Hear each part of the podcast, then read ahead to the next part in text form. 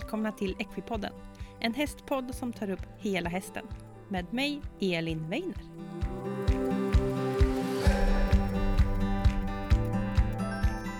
Hej alla fantastiska Equipodden-lyssnare och välkomna till eh, veckans avsnitt av Equipodden.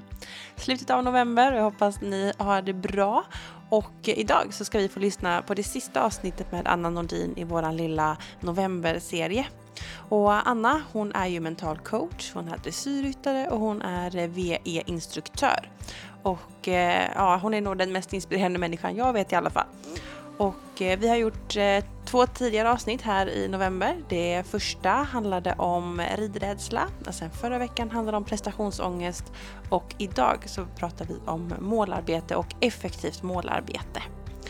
Eh, Anna berättar om hur man ska tänka när man sätter upp mål, varför man ska sätta upp mål. Eh, vi pratar om nulägesanalys, vi pratar om delmål, att hitta framgångsstrategier, hur hittar man sitt inre driv och hur utvärderar man och så vidare och så vidare. I det här avsnittet får vi verkligen alla verktyg som behövs för att lyckas sätta upp mål och att verkligen lyckas komma dit också. Ibland sätter man upp mål fast man inte riktigt följer upp och man kommer inte dit ändå så mm, det här är ett så bra avsnitt och verkligen otroligt många bra verktyg. Så vill du utvecklas, vill du bli bättre, vill du sätta upp mål och faktiskt nå dem, då är det här avsnittet för dig.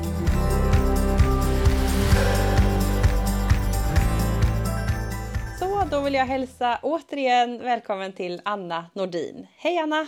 Hej, tack så mycket! Tredje gången gilt. Verkligen, det här är fantastiskt. Ja, och um, om man gör en liten recap. Anna, du jobbar som mental coach, eh, tränare i dressyr, working equitation. Eh, du jobbar mycket med mental träning och coachning, eh, mental utveckling. Eh, du har ett ben. Ehm, ja. ja, om man gör en liten sån recap om eh, eh, vem du är. driver företaget ja. Enastående häst och ryttare. Precis. Eh, och eh, vi har gjort några avsnitt innan. Det finns ett gammalt avsnitt med dig, avsnitt 40 av Equipodden. Då pratar vi mm. om eh, mental inställning, hur man ska tänka i olika situationer ganska mycket. Just det. Och så nu här då november eh, i år har vi då gjort tre avsnitt och det första avsnittet det handlade om ridrädsla, förra veckans avsnitt prestationsångest och idag ska vi gå in och prata om effektiv utveckling och målarbete. Ja! ja. Det som låter så sjukt tråkigt, är jättejobbigt att genomföra men helt fantastiskt för sin egen utveckling ja. och för glädjen faktiskt ja. i ridningen. Så ett superviktigt avsnitt helt enkelt. Skulle jag också säga. Mm. Men om man tänker eh, kring det här temat, vad är din bakgrund i det här och hur kom du att jobba med sådana här saker? Ja, eh, jag själv har ju då tävlat eh, på internationell nivå i både paradressyr och working equitation. Mm. Och där, redan där så kom jag ju in på det här med att när, när jag satte upp det målet att jag ville göra de här sakerna, mm. då behöver man ju också hitta sin handlingsplan för att komma dit. Alltså, mm. vad är det som kommer ta mig från där jag är nu till dit? Mm. Och att ha det här inre drivet att göra det, för varje dag kommer inte vara en dans på rosor. Mm. Varje dag kommer inte vara att man ser liksom, wow, vad tydligt jag går mot målet. Eh, och hitta det här, hur får jag mig själv att kämpa på mm. om jag har valt ett mål som ligger ganska långt ifrån mm. där jag befinner mig nu. Mm. Eh, och eh, också det här när jag eh, tog mig tillbaka efter min olycka då när jag förlorade mitt ben. Mm. Eh, I det arbetet så insåg jag också att även om jag vill förändra eh, kanske mina egna tankar snarare än att nå ett fysiskt mål så har jag också nytta av att beskriva det här i mål mm. och eh, göra en handlingsplan åt mig själv då, hur jag ska ta mig dit. Mm. Mm. Jätteviktigt och du jobbar ju som coach också och hjälper ju väldigt många med just sådana här saker eh, som kommer till dig, eller hur? Ja, och, ja, precis. Och det kan faktiskt vara en väldigt god idé att ta hjälp av någon som är bra på det här. För att som jag nämnde i början så är målarbete, det är en ganska stor process och det är mm. ganska jobbigt, särskilt om man inte kan de där knepen. Mm. För till exempel hur jag formulerar målen kommer vara avgörande för både hur mycket drivkraft jag har till att nå dem mm. och hur lätt det blir att nå dem. Mm. Så att jag då kanske tar hjälp av någon som vet hur utformar jag målen på ett sätt så att de blir lättare för mig att uppnå. Mm. Precis. Viktigt. Och eh, i det här poddavsnittet ska vi försöka rama in det här lite granna på ett lagom, mm. eh, lagom konkret och luddigt sätt. Ja, Som det blir i poddform. Eh, men jag tänker om man har en, kanske man börjar med en dröm. Mm. Man kanske vill tävla på en viss nivå eller man vill, det behöver egentligen inte vara hästar, man kanske vill uppnå någonting med sin egen träning eller något ja. i livet. Jobbet. Ja. jobbet precis, hemma. Där kan jag faktiskt säga, apropå där, men vad kan jag ha mål kring? Mm. Jag, har, alltså jag stöter på alla olika typer av mål eh, i mitt arbete. För mitt jobb är ju att vara den där katalysatorn som gör att människor når sina mål. Mm. Och det spelar egentligen ingen roll vilket mål det är, för att det är samma metod som man arbetar efter och det är metoden jag är proffs på. Uh Så att vad du har satt upp för mål är egentligen ointressant. Jag har till exempel eh, ett exempel, en kvinna som, där hennes mål var att hitta en man. Mm. Så jag, jag vill hitta kärleken i livet. Och det är ju ett mål gott som något. Uh -huh. Och göra det här liksom med en, eh, att ha en handlingsplan och bestämma sig för hur ska jag gå tillväga för att ja. lyckas med det. Så att, eh, det, det, spelar ingen roll vad jag sätter mål kring. Mm. Det kommer hjälpa mig att, att nå dit. Mm. För det blir tydligare för hjärnan vad jag strävar efter. Mm. Gud vad bra. Man kan sätta mm. mål om allt. Helt enkelt. Verkligen, verkligen. Men om man då ska börja någonstans då får man börja med vad man är man idag och mm. vad, vart vill man? Om man börjar liksom, hur, hur, alltså om man bara tänker så här, jag ska ha någonstans, jag har typ ett mål, eh, var, var, ska jag liksom, var börjar jag om jag står på noll? Mm. Ja men precis. Och det här är ju ofta det man hör folk säga, men jag har inga mål. Mm. Jag vill inget särskilt. Eh, och det kan ju hända att, att man känner sig nöjd med det och så vidare. Jag vill inte ha några mål. Men oftast har vi ändå det. För om vi till exempel då går in på eh, det här med ryttare. Men jag har inga särskilda mål. Jag vill inte tävla, jag vill inte göra så vidare. Så, ja men vad vill du med ditt hästeri då? Mm. Ja men jag vill ha roligt. Mm. Bra, det är också ett mål. Precis. Jag vill ha roligt tillsammans med min häst. Om det är mitt mål och sen kan jag då titta liksom, ja men hur, var befinner vi oss idag? Har vi alltid roligt? Mm. Eh, vad skulle jag vilja, vad finns med i det här begreppet ha roligt med min häst för mig? Det mm. kanske är något särskilt jag skulle vilja uppleva tillsammans med min häst. Som du nämnde där, en del har ju kanske ett tävlingsmål att jag vill mm. nå den här nivån inom min gren. Mm. Men för någon annan kanske jag säger, ja men jag vill rida den där långritten mm. med min häst. Mm. Eh, eller jag vill, som vi har pratat om tidigare då, komma över min rädsla så att jag kan njuta av en uteritt med min häst. Mm. Eh, målen kan ju se väldigt olika ut och jag tycker att var du än befinner dig och vi, hur, liksom varför du än har häst så tror jag på att med mål så kommer du få ut mer av mm. det här eh, samvaron. Därför att när du har satt upp mål så kommer du också eh, att ha en annan blick på det du gör mm. eh, varje dag. Eh, och vi vet inte hur långt livet blir och då tycker jag också att vi ska försöka göra det mesta av, av varje ja. dag vi har. Att få njuta så mycket som möjligt helt enkelt. Det låter bra. Ja, och då, då när jag funderar på vad jag ska ha för mål så är det ju till, ja men vad är det som, som gör mig glad? Mm. Vad skulle jag vilja uppleva till exempel? Och här kan ju målen hamna på ganska olika lång tidsplan så att säga. Mm. För någon kanske tänker, ja men vad, när jag slutar rida när jag liksom är gammal och liksom, ja, ska jag vara, bo på ålderdomshemmet och få sluta med hästar. Vad vill jag ha upplevt i min mm. hästkarriär då så att säga? Mm. Vad, vad har jag hunnit med när jag sitter där på hemmet och ska skryta för mina barnbarn istället? Mm. Eh, och för någon annan kanske det handlar om vad vill jag göra för mål nästa år mm. eh, med mig och min häst. Men jag tycker att det kan vara bra att börja med de här målen som är ganska långt bort mm. och stora. Mm. För när vi har lång tid fram till när målet ska vara uppnått, då vågar hjärnan liksom vara lite wild and crazy mm. och sätta upp lite högre mål. är de väldigt nära, då, då blir vi sådär äh, konkreta och liksom, ja, fast hur ska jag hinna det? Det kommer ju aldrig gå. Och så börjar vi stapla upp varför vi inte kommer nå målet. Yep. Mm. Så genom att ta det några år bort i tiden så brukar hjärnan också vara lite mer medgörlig för att drömma. Mm. För att våga sätta upp mål som är lite högre än vad som känns liksom säkert. Mm. Och där har vi mycket av det här att jag tycker att ett bra mål det är när du har lite känslan, åh herregud, hur ska jag klara det? Ja. För då vet du att målet ligger utanför din komfortzon. Mm. Alltså målet är utanför vad du kan idag. Du kommer att utvecklas mm. om du når målet. Mm. Så att om jag tänker så här, jag vill rida lätt A nästa år. Ja, men då kanske jag spetsar till det målet. Så, så här, ja, jag vill rida lätt A med det här resultatet mm. nästa år. Mm. Eller jag vill att det är medelsvår om två år. Mm. Så att jag liksom spetsar på lite grann hela tiden. Mm. Mm, mm, Svårt, men eh, lite kittla i magen. Ja, det ska kittla i magen. Det ska bli lite fjärilar när man tänker på sitt mål. Precis. Och när jag hittar då, eh, för vissa kan det vara svårt och för andra enkelt då som sagt att jag har ett mål. Hur börjar jag med mitt målarbete? Ja, jag brukar säga så här, om vi ser på det här målet som eh, ett, en, ett resmål, alltså mm. någonstans dit jag vill ta mig. Mm. För att kunna påbörja den resan så måste jag ju veta vart jag har parkerat bilen. Mm.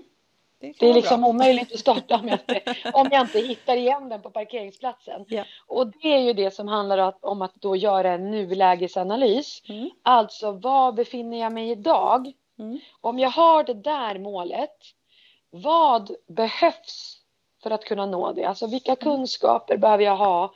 Vilka kompetenser behöver jag besitta och så vidare för att vara vid det här målet? Vad mm. ingår i målet? Mm. Och sen kollar jag av det mot för var befinner jag mig idag på den skalan. Alltså om vi säger att vi till exempel har eh, ett mål som eh, jag vill rida en viss klass i dressyr. Mm. Eh, och, eller hoppa en viss klass. Och så tyckte jag, ja men vad behöver man kunna då för att vara på den nivån? Mm. Och så spaltar jag upp vad som finns där. Mm. Och sen jämför jag det med vad jag kan nu. Mm. Och då får jag ju lite en känsla av hur långt ifrån är jag? Mm. Och vilka områden är det jag behöver träna på mest? Mm. För om vi säger att jag ska eh, till exempel då tävla en viss klass i dressyr och så ingår det eh, kanske galoppombyten och öppnor och slutor där. Mm. Och så tänker jag på var befinner jag mig idag? Ja, men jag kan skänkelvikning och jag kan lite öppna. Mm. Jag kan fatta galopp men jag kan inte göra ett galoppombyte. Mm. Och så kan jag liksom börja kolla ut vad är det jag har och vad är det jag behöver. Mm.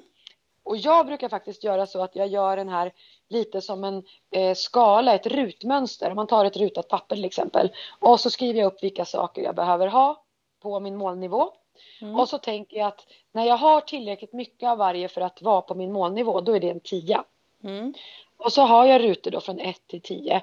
Och sen gör jag en snabb skattning. Alltså, mm. jag tänker inte efter för länge, utan jag lite snabbt sätter kryss. Hur långt ifrån målet är jag nu på de här olika grejerna? Hur bra sits har jag till exempel mot för vad jag mm. behöver ha när jag är mm. framme vid målet och så vidare.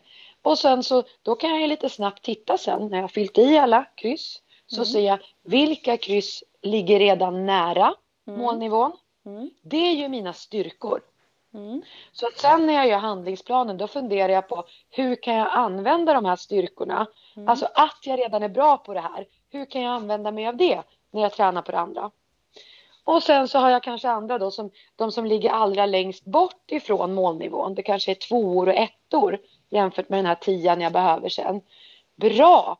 Då är det de områdena där jag kommer tjäna mest på att förbättras. Mm. Alltså där kommer förändringen synas först. Om vi jämför det här med att vi har ett hus och så är vårt mål att hela huset ska vara helt välstädat. Mm. Så tittar jag sen runt i rummen och så är det några rum som nästan är städade redan. Mm. Så är de mina styrkor. Där är jag väldigt nära målnivån. Det kommer gå fort att fixa dem. Och det ser redan ganska bra ut. Och sen tittar jag in i några rum som ser ut som bombnedslag. Mm. Det är mm. väldigt långt ifrån målbilden av ett välputsat hus. Mm. Om jag börjar där, då kommer jag ju märka skillnad ganska fort. Bara jag plockar bort alla saker som är på golvet så kommer ju rummet se väldigt mycket mer välstädat ut. Yep då kommer jag också få den här motivationen att fortsätta. När jag ser stor skillnad på det jobbet jag gör, då blir jag också nyfiken och villig att fortsätta jobba. Mm. Så det kan vara bra områden att börja med sen när jag gör handlingsplanen. Mm. Så nulägesanalysen handlar om att jämföra målet med det jag redan har mm. och på så sätt hitta vad är mina styrkor och vilka områden tjänar jag på att börja med. Man liksom har, då har man en grund, jag vet hur jag ska mm. liksom börja eller liksom se vad jag har för styrkor och svagheter. Och vad är nästa steg?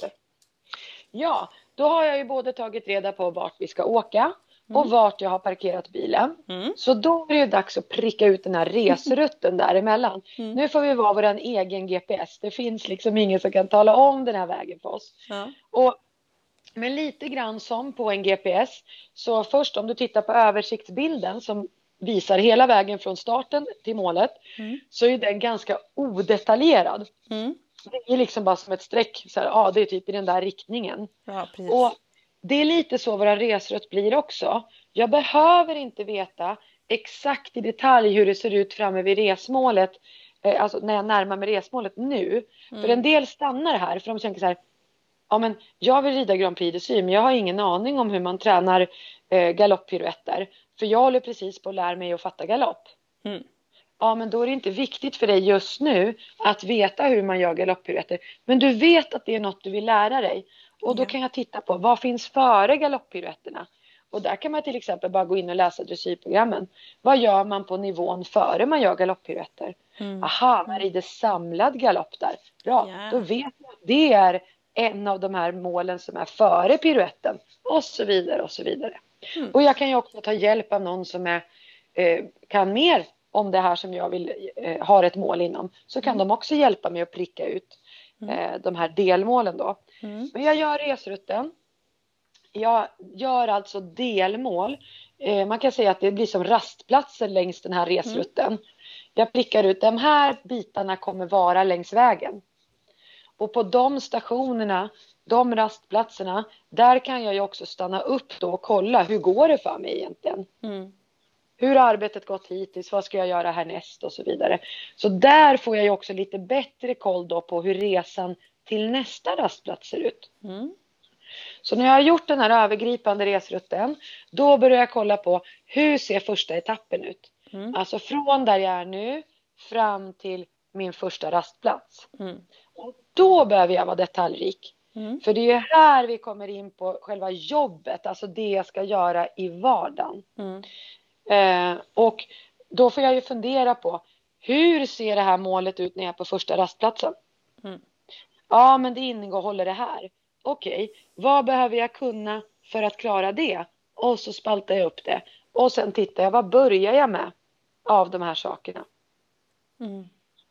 Till exempel om jag vill lära mig ett galoppombyte så funderar jag på aha, vad behöver jag kunna för att kunna göra ett galoppombyte? Yeah. Ja, jag behöver först kunna rida in den typen av galopp som passar bra för att göra ett byte ifrån, alltså att hästen är i balans och den är rak och den kan gå i hyfsat bra samling och så vidare. Mm.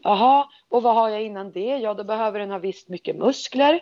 kanske och jag kanske behöver träna på min sits. Och sen före det, ja då kanske vi har att vi klarar av en eh, arbetsgalopp innan vi klarar samlad galopp. Mm. Och jag kan göra bra galoppfattningar. Därför att en galoppfattning och ett galoppombyte är egentligen samma sak. Mm. För det är ju, galoppombytet är ju bara en galoppfattning från galopp. Ja. Det är ju inte konstigt än så. Precis. Jag har lärt mig att galoppfattning från trav och sen lär jag mig att göra den från skritt och sen lär jag mig att göra den från galopp. Ja. Så att jag kan då plocka ut vilka bitar ingår i mitt mål. Mm. Och där tycker jag att det är viktigt att vi inte bara tittar på vad behöver min häst kunna för att vi ska nå vårt yeah. mål. Utan också vad behöver jag kunna, vad bidrar jag med? Och både den fysiska biten som ryttare men också den mentala biten som ryttare. Mm. Alltså vad behöver jag för att klara av det här? Mm. Eh, och då har jag ju där sen då eh, min handlingsplan och lite delmål. Mm. Eh, och då har jag också fått en liten hint om hur tar jag mig hela vägen till mitt mål. Precis. Och det här slutmålet, vi ska bara återvända lite till det, för vi sa ju också att hur jag formulerar det där målet kommer vara lite avgörande för hur lätt eller svårt det blir att nå dit. Mm. Och då handlar det om att för att nå mål så behöver vi måla upp en bild för hjärnan så att den kan föreställa sig hur det är att ha nått målet. Mm. Ju tydligare bild hjärnan har av vad det innebär att vara vid målet, desto lättare blir den för att jobba för att komma dit. Mm. Dels kommer vår motivation öka för att nå målet när vi ser i detalj hur målet ser ut och hur vi kommer känna oss när vi har nått dit. Mm. Och sen också för att hjärnan kommer ju jobba mot det här målet även undermedvetet, alltså när inte vi aktivt tänker på det. Mm. Ju tydligare bild vi har gjort av det så finns det alltid med i hjärnan. Så att när jag formulerar mitt mål, då kanske jag börjar med att jag bara skriver då att jag vill tävla en viss klass till exempel. Mm. Och sen så formulerar jag, låter jag det här målet eh, bli måla ut det så, tills det blir en riktigt vacker tavla som innehåller alla mina sinnen. Mm. Alltså, vad kommer jag se när jag har nått målet? Vad kommer jag höra när jag har nått målet? Hur kommer det lukta när jag är där? Mm. Vad kommer det smaka i min mun? Och hur kommer det kännas? Mm. Både på insidan och på utsidan mm. när jag har nått det här målet. För då, när jag låter alla sinnen vara med, så är det lättare för hjärnan att skapa sig en bild av det. Så yeah. när jag tänker på målet, då involverar jag alla sinnen och liksom bara Yes, så kommer det vara att vara där. Mm. Jag hör publikens jubel när jag tar OS-guldet. Jag känner lukten av min svettiga häst och solen steker mot mig och den där tunga guldmedaljen hänger runt halsen och lyckobubblet i magen. Mm. Och så vidare. Så att jag har gjort en väldigt tydlig bild och gärna klippa ut bilder ur tidningar och så som då är delar av min målbild. Mm, Till exempel har jag målbilden att jag ska skaffa mig en hästgård. Mm. Ja, men fundera, hur ser min hästgård ut? Klipp ut bilder på saker som du vill ha där, så blir det lättare för hjärnan att ta sig i riktning mot målet. Mm. Häftigt! Mm. Så då har vi alltså skapat ett tydligt mål. Eh, vi vet vart vi ska. Vi har börjat plotta ut våran väg eh, och vi skriver lite handlingsplaner. Ja. Och, eh, och där stannar vi upp bara lite grann att vi mm. identifierar styrkor och svagheter. Och mm. vad vi behöver för att, kom, för att klara av ett visst delmål, eller hur? Ja, och jag skulle inte kalla det svagheter, för det är också, eh, alltså, jag är ju väldigt noga med ordval och det ja, har det att göra med mental träning. Och då vill jag alltid välja ord som hjälper mig. Mm. Och att säga till mig själv att jag har svagheter mm. kommer inte hjälpa mig. Mm. Och det kan också göra att jag fastnar i att Alltså att jag stämplar mig själv som att jag har den här svagheten. Mm. Och då blir det väldigt svår att övervinna. Mm. Då blir det en sanning att jag har det här. Så jag brukar kalla det för förbättringsområden mm. eller liksom prioriteringar. Alltså det här är det jag ska prioritera först. Mm. För det här kommer göra störst skillnad för mig. Det här förbättringsområdet, där har jag störst förbättringspotential. Alltså där befinner jag mig längst ifrån min målbild. Yeah. Så att, eh, på de här delmålen så kommer jag ju stanna upp mm. och så tittar jag tillbaka lite grann. Och det här är ju, om vi tittar eh, när vi jobbar med mål, mm. så vart folk brukar fastna, så har vi ju dels att jag gör inte en tillräckligt tydlig målbild. Alltså mm. jag använder inte alla sinnen.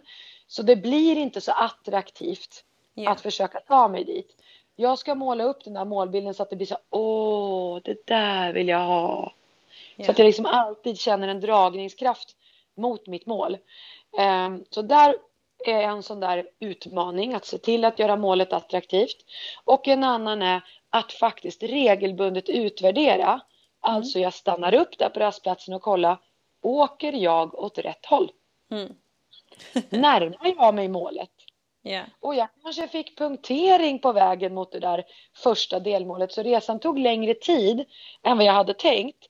Men då kan jag ju se det att aha, så att när det är dags för utvärdering då kanske jag inte har nått fram än. Mm. Men då kan jag titta och se att ja men det var ju för att jag fick punktering. Mm. Så det är okej okay att vi ligger lite efter i tidsplanen. Jag är på väg åt rätt håll. Jag vet varför det tog lite längre tid än planerat. Men vi är fortfarande på väg. Så då behöver inte den här göra att jag ger upp när jag säger nej jag nådde inte fram. Fan mm. vad dåligt. Mm. Utan det kanske fanns en anledning. Precis. Så att jag kollar, reser jag fortfarande åt rätt håll? Mm. Går det med den fart som jag har tänkt mig mm. eller behöver jag anpassa någonting? Mm. Och en annan viktig fråga, vill jag fortfarande till målet? Just det. Så att det inte är så för livet, det händer ju saker i livet. Särskilt om jag har satt upp ett väldigt långsiktigt mål så kan det ju hända att jag efter några år inser att men gud, jag närmar mig inte målet längre och det beror mest på att jag inte så gärna vill dit längre. Precis. Och då kanske det är dags att byta ut det här målet. Mm. Mm. Eh, så att utvärderingarna är väldigt viktiga och att vi gör dem ganska ofta. Mm. Och när vi gör dem så mm. vill vi framförallt poängtera vad vi redan har uppnått och vad vi har gjort bra mm. för att ta oss dit. Därför är det det som ger oss bränslet att åka vidare. Det är det som är tankningen på den här rastplatsen. Mm. Så att vi kör vidare en bit till. Mm. Intressant. Mm. Och jag tänker när vi, när vi jobbar med sådana här saker, skriver vi ner eh, och har ett särskild bok eller telefonen eller vad har du för tips för att verkligen Just det. komma ihåg? Ja, man ja, kan ju glömma. Precis. ja, man kan ju glömma. Eh, jag har faktiskt ett eh, färdigt kompendium som handlar om det här, alltså där man har Eh, sin nulägesanalys, sin målbild med delmål och så vidare om man får in sin handlingsplan och sin utvärdering. Mm. Och antingen så kan man ju beställa det häftet så har man lite förklaringar överallt och får lite hjälp att fylla i de här. Mm. Eller så att man gör något liknande själv. Att man har ett papper där man har beskrivit sitt mål, väldigt tydligt och som vi sa, man kanske sätter upp lite bilder också som får en att tänka på det här målet. Mm. Eh, och sen att jag gör min nulägesanalys på papper. Jag skriver ner vilka områden som behövs för mitt mål och hur jag ligger till i förhållande till dem. Mm. Och sen kan jag ju då när jag utvärderar, då kanske jag gör om de här kryssen. Mm. För då har jag ju en nu, ny nulägesanalys så att säga. Yep. Och också att jag skriver ner handlingsplanen. Där är det lite olika vem jag är som person. En del räcker det med att det står att ja, men under de här närmaste två månaderna så ska jag jobba eh, med övergångar och stärka hästens muskulatur. Mm.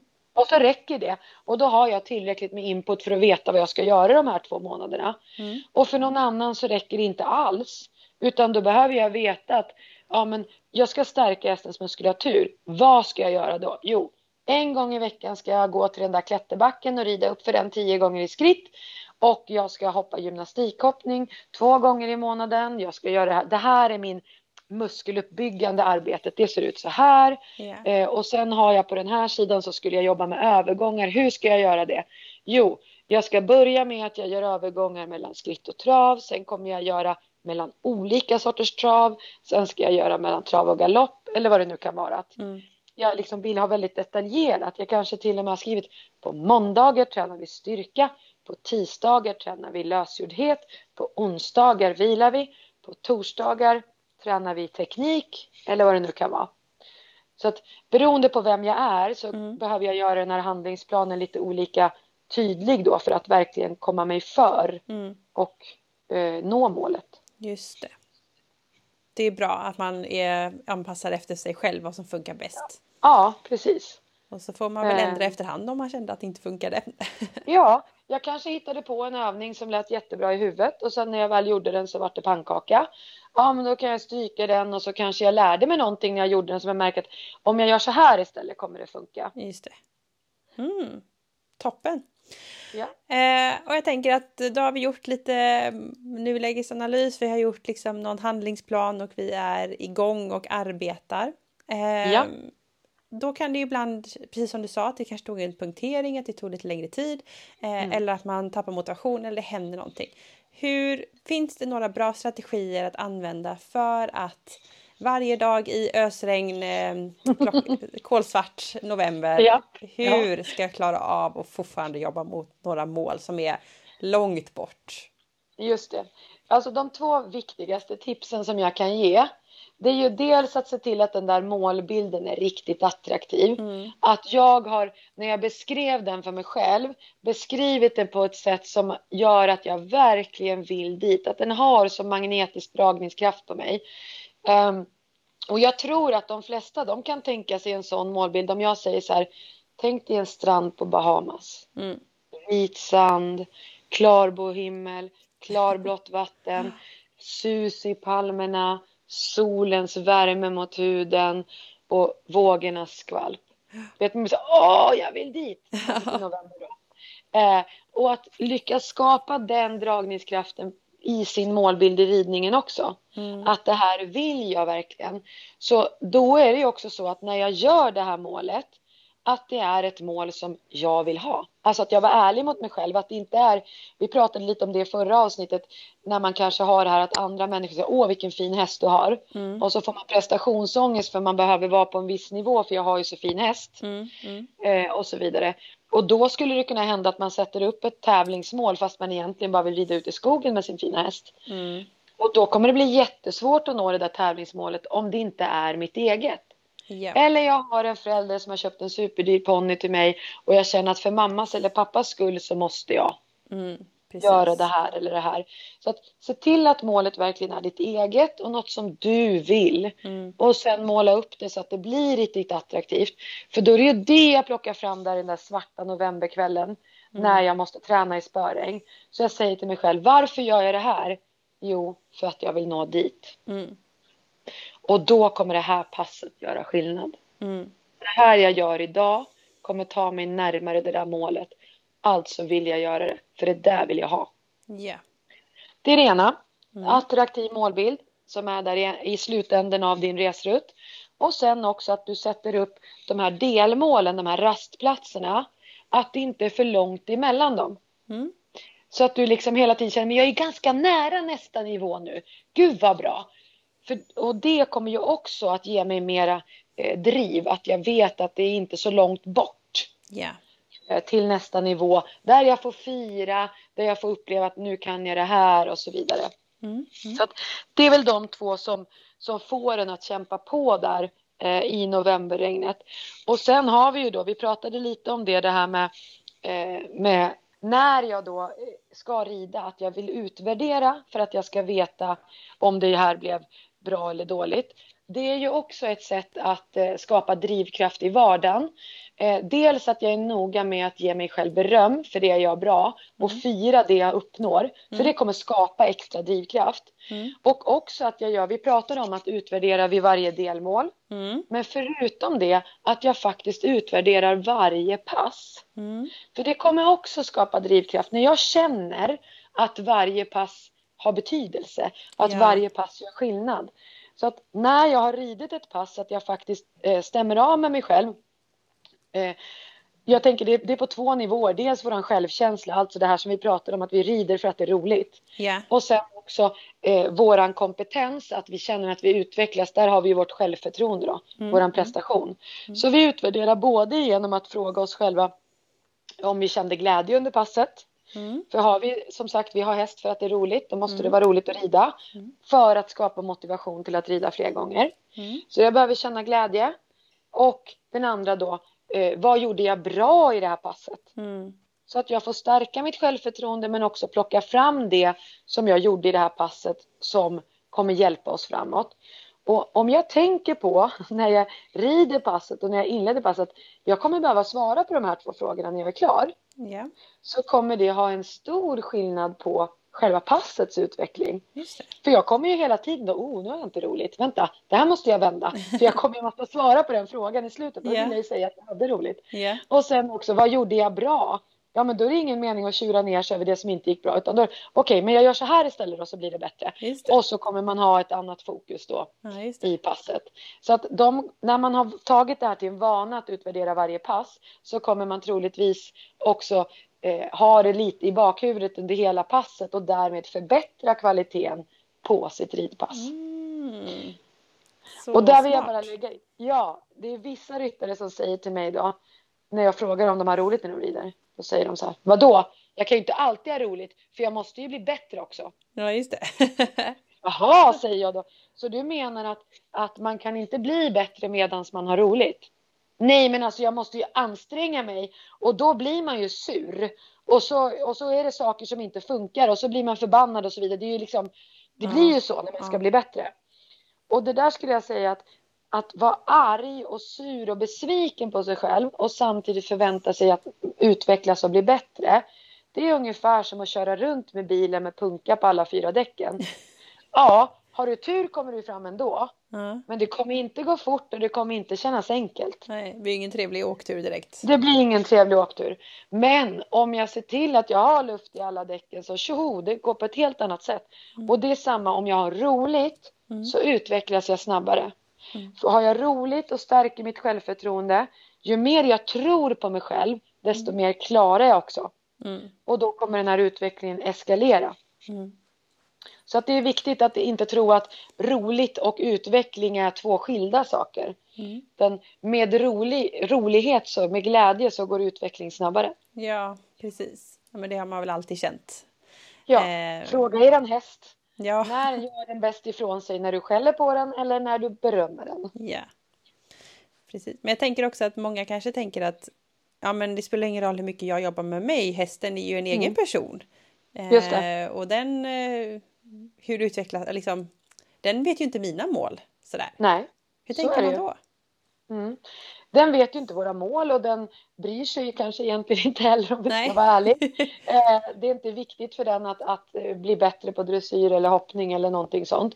Så att här gäller det ju för mig som lagledare att motivera min häst mm. till att vilja göra det här tillsammans med mig. Det ska vara mm. trevligt att umgås med mig när vi tränar. Mm. Den ska känna sig motiverad den också, som vi mm. nämnde där, genom att berömma den. Även om den bara är ytterpytte rätt, det är bara liksom i rätt riktning men det är alldeles för lite. Mm. Beröm. För då förstärker jag också det här så att den vill lite mer nästa gång. Och den kände, vad var det som gav mig beröm? Och det viktigaste berömmet är ju att vi ger eftergift. Alltså om hästen svarar framåt när jag driver så slutar jag driva. Mm. Om hästen kommer tillbaka när jag håller i tyglarna så slutar jag hålla emot i tyglarna. Mm. Så det är det som egentligen är inlärningen för hästen. Och ju bättre timing jag skaffar mig som ryttare där, desto bättre feedback och återkoppling får hästen av mig och desto liksom mer lyhörd blir den och då upplever jag den som lättare att rida. Mm. Så att jag är ledsen att behöva säga det, men vi har liksom ansvaret till mm. hundra procent. Yeah. Och de som då säger ja men min häst är ju så himla si eller så himla så. Mm. Ja, men det är ditt ansvar att hjälpa den förbi det. Mm. För det börjar och slutar med dig. Mm. Eh, så att säga, ja men min häst tycker inte om att träna dressyr. Nej, då har du två frågor att ställa dig. Den första är, tycker du om att träna dressyr? Så att du är på ett motiverande sätt när ni gör det här. Mm. Och om du tycker att du är det och, och liksom du berömmer den och du gör allt du kan för att den ska tycka om den här situationen och du ändå upplever att den ogillar den. Då kanske det inte är rätt uppgift för den här hästen. Mm. Som jag försöker att ha med den på tåget. Mm. Så det här behöver vi fundera kring. Men många gånger när folk säger min häst tycker inte att det här är kul. Mm. Så brukar det vara så att ryttaren inte heller tycker att det är så kul. Yeah att det är lite av ett nödvändigt ont. Och då behöver jag ju börja återigen med min egen inställning. Mm. Precis. Ja, jätteviktigt. Eh, svårt eh, såklart att ändra sin egna inställning och det tar ju lite tid. Ja. Och särskilt om man har fått itutat eh, att jag, alltså att det här att anstränga sig för att bli bättre, mm. eh, att i det ingår att jag är negativt inställd till mig själv och lite lätt arg. Eh, för det är en, som sagt, det är som att köra runt med punka på bilen. Mm. Eh, och vi trodde förut kanske att det var så här, särskilt med, i Sverige med jantelagen och så vidare. Mm. Men det har man ju kunnat konstatera när man har forskat kring mental träning att den snabbaste vägen framåt är den när jag fokuserar på det som går bra mm. och försöker göra mer av det. Mm. Då kommer det som går mindre bra att försvinna av sig självt så att säga. Fokusera på det som är bra. Mm. Enkelt statement. Ja. Bra. Jag tänkte att vi skulle eh, rama in lite tid i det här. Vi har pratat om eh, man kan sätta långa mål, det är viktigt med delmål och att det inte är för långt emellan delmålen. Jag vet att det här mm. kanske är jättesvårt för det kan vara väldigt individuellt men finns det någon liksom, tumregel kring hur ofta man ska göra det. Ska man ha en tydlig tidsplan eller ska man ha en mer öppen tidsplan? Och mm, hur ofta behöver man göra de här eh, delmålen? Eller behöver man ha ett visst fler delmål med ett längre om man har ett långsiktigt mål? Eller hur kan man tänka kring tid? Mm. Jag tänker att det viktigaste, du pratar om där, ska man ha lite flytande eller ska man ha en fast tid? Mm. Och där är det faktiskt otroligt viktigt att målen är tidsbestämda. Yeah. Att jag har fått ett exakt datum. Och det handlar egentligen om att eh, annars är det ju lätt att det bara driver omkring. Mm. Eh, och sen så vet jag, ja men, nej, men, ja, men typ så. Mm. Utan jag sätter ett fast datum. För det är det datumet jag ska utvärdera. Mm. Och anledningen till att de flesta inte törs göra det här det är, ja, men tänk om jag inte har nått målet då? då? Ja, jag har misslyckats. Mm. Nej, det är ju din egen inställning som avgör om det är ett misslyckande eller inte. För du når det här datumet, du utvärderar och så ser du kanske att nej, jag har inte nått målet än. Okej, okay. då frågar man sig själv, är jag närmare målet än förut? Ja, men det är jag, men jag har inte nått hela vägen fram. Okej, okay, vad är kvar? Mm. Och hur kan jag komma dit? Det som jag redan har klarat, hur gjorde jag för att klara det? Kan jag använda mig av det för att komma den här sista biten också? Mm. Eller är det så att målet inte är intressant längre och det är därför jag inte har nått det. Mm. Så att, att tidsbestämma det är ju för att jag ska få till de där rastplatserna. Mm. Eh, lite som en långtradare, de vet hur länge de får köra innan de är tvungna att stanna och när den tiden är uppnådd då är det bara att stanna. Precis. Oavsett var du befinner dig mm. eh, och kolla av, hur ser det ut? Har jag kommit dit jag hade tänkt mig eller är jag någon annanstans? Och som sagt, det kan ju vara så att jag upptäcker när jag stannar till där att jag har inte nått målet för jag har rest åt fel håll. Ja. Jag kanske hade en, jag hade en handlingsplan som jag trodde skulle ta mig till det här delmålet. Mm. Men jag inser när jag stannar upp och utvärderar att, åh 17, vi är inte alls på väg ditåt. Nej. Det här är liksom en, en avstickare. Yeah. Eh, och där kan det till exempel vara då, till, jag, jag kanske då i mitt delmål så har jag i handlingsplanen bestämt att jag ska träna för den tränaren. Mm. För den kommer kunna hjälpa mig till det här delmålet. Mm. Och så tränar jag regelbundet för den här tränaren som jag har valt ut. Och sen när det är dags för utvärderingen på det datumet så stannar jag upp och så säger men gud, jag är inte ens på väg mot målet längre. Mm. Eh, det kanske är en tränare som knäcker mig mentalt för de har en, en träningsmetod som inte passar mig. Mm. Och jag märker att för att nå det här målet så skulle jag behöva vara si och så på det mentala planet och nu tänker yeah. jag bara negativa tankar om mig själv. Yeah. Oj då, den här vägen ledde inte till mitt delmål. Aha, men då behöver jag ju tänka om här. Då får jag väl byta den här tränaren då, till exempel. Yeah. Eh, eller jag hade glömt att tala om för den här tränaren att det var det där som var mitt mål. Mm. Så nu har den tagit mig i riktning mot ett helt annat mål. Mm, precis. Jag kanske behöver ha ett snack med min tränare så att personen vet om vart jag är på väg och kan hjälpa mig att nå de mm. delmålen. Mm. Mm. Eh, så, så, att det här, man ska sätta datum och det är inte hela världen om jag inte har nått fram vid det datumet. Det som är viktigt är att jag utvärderar och kollar varför jag inte har nått fram mm. och hur jag ska göra nu. Mm. Så att det här hela tiden är en levande process som tar mig framåt. För luddiga mål och luddiga tidsplaner gör oftast att målet samlar damm i en byrålåda. Mm. Det är jag expert på. kan jag erkänna ett vanligt sånt här det är att man säger så här, ja men vad är ditt mål då? Ja men jag vill bli en bättre ryttare. Mm. Och det är ju omöjligt att utvärdera. Ja. Därför att det som du tycker är en bättre ryttare nu är ju inte samma sak som du tycker om ett halvår. Mm. För då kanske du har blivit bättre så då har ju du flyttat målet framför dig. Yep. Så att ja, jag kan ha målet att bli en bättre ryttare. Det går utmärkt. Men då kommer vi in på det där med att detaljera målen, göra dem specifika. Mm. Då behöver jag gå in och tala om för mig själv, vad innebär det för mig? Mm. Vad skulle jag kunna om jag var en bättre ryttare? Mm. Och så staplar jag upp de här grejerna som det innebär för mig att vara en bättre ryttare. Mm. För då kan jag ju kolla av sen, är jag närmare de här? Eller inte? Just det.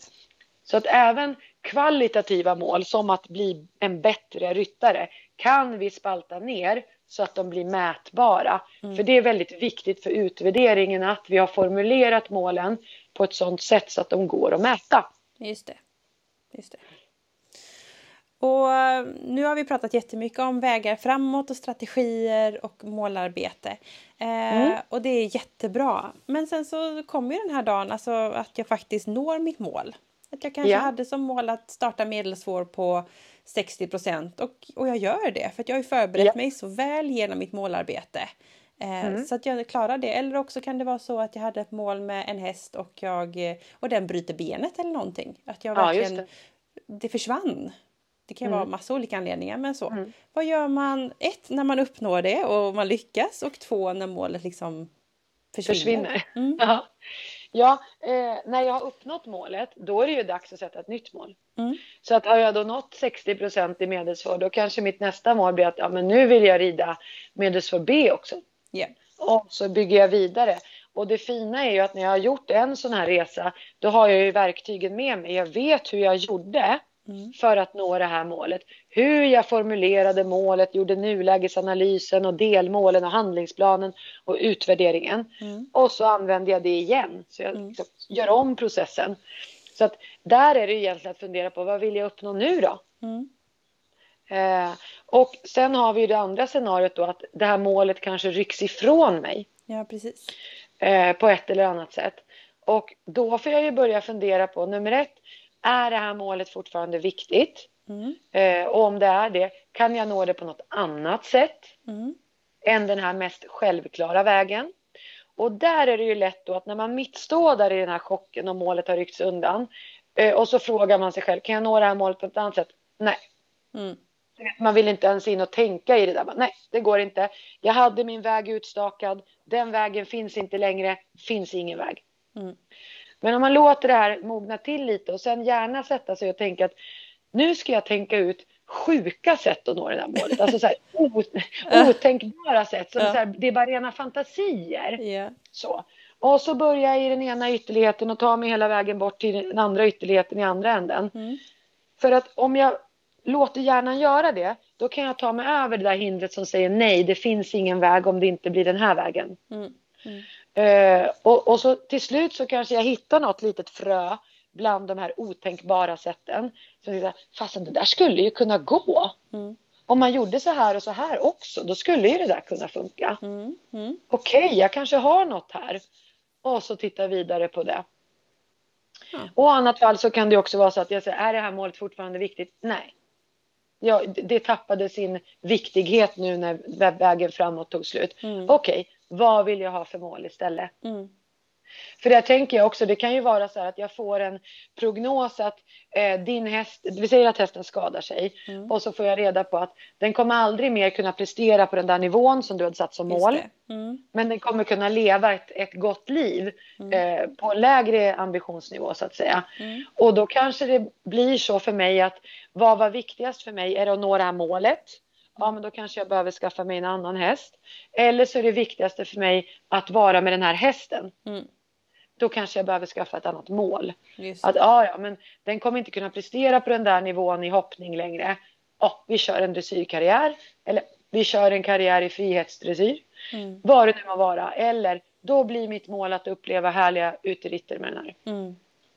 Så att det kan ju vara både så att jag låter målet stå fast och jag ändrar vägen. Mm.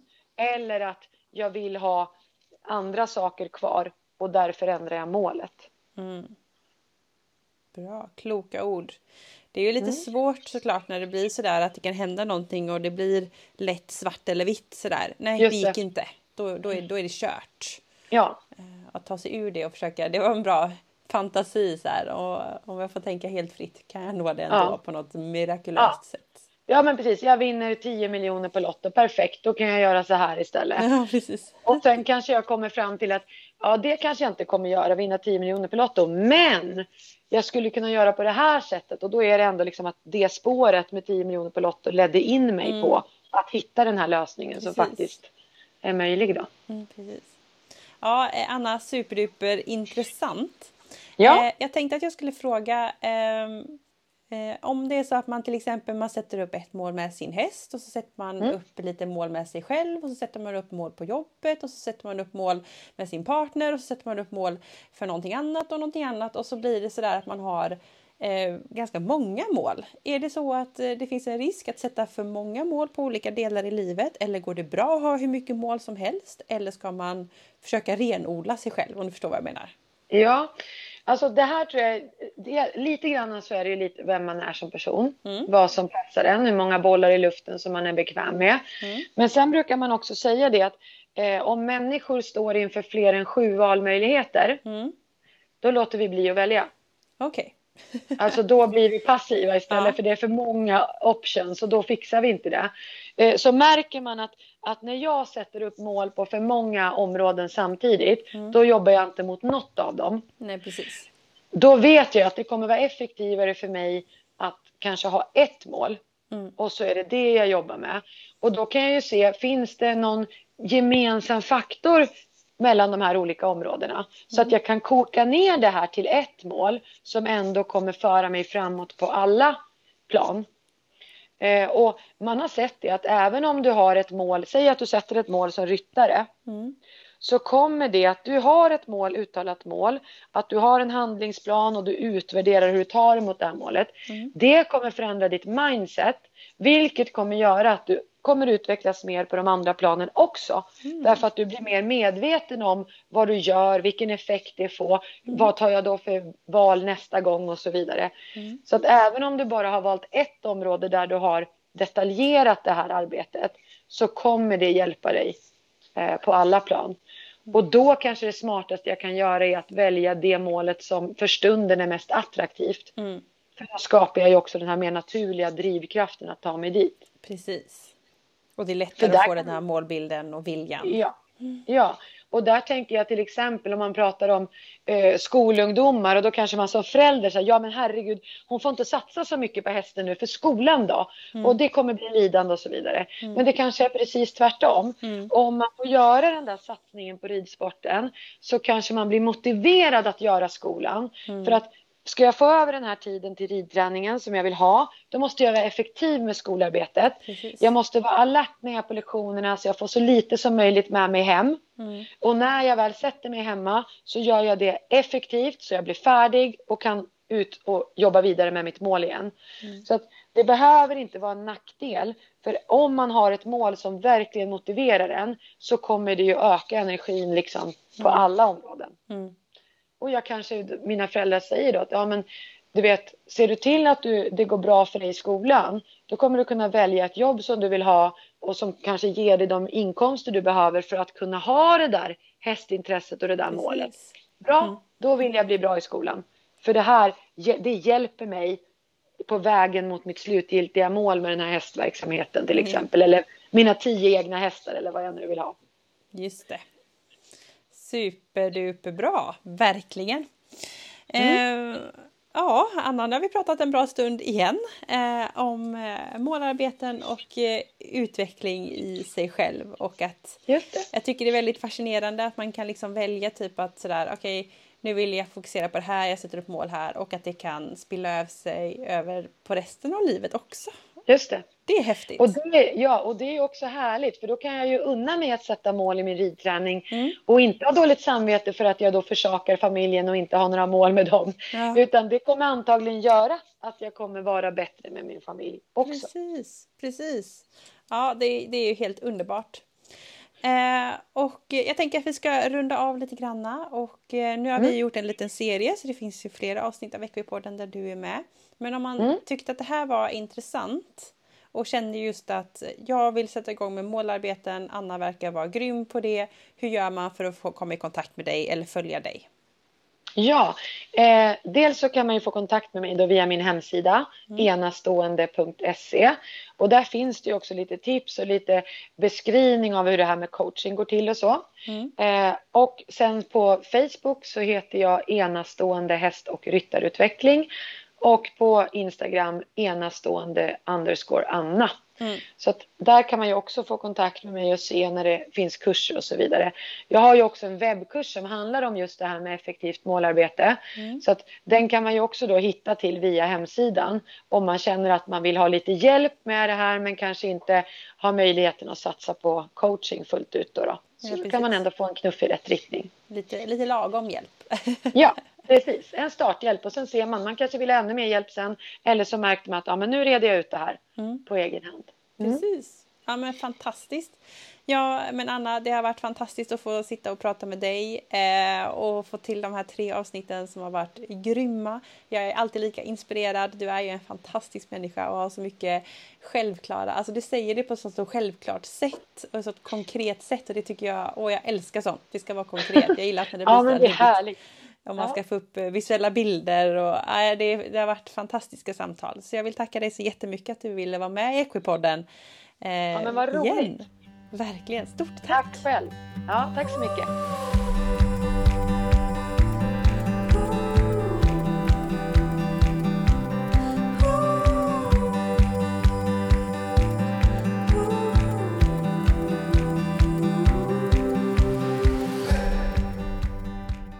Ja, ännu ett avsnitt till ända med fantastiska Anna Nordin. Eh, stort, stort tack Anna för att du vill vara med i den här lilla miniserien i Equipodden. Eh, Anna ger alltid så konkreta tips och tankar och att utveckla sig själv är ju så spännande och så intressant. Tänk vad mycket man kan göra med sitt sätt att tänka och sitt sätt att reflektera och vilka ord man använder. Ja, ja det är så häftigt.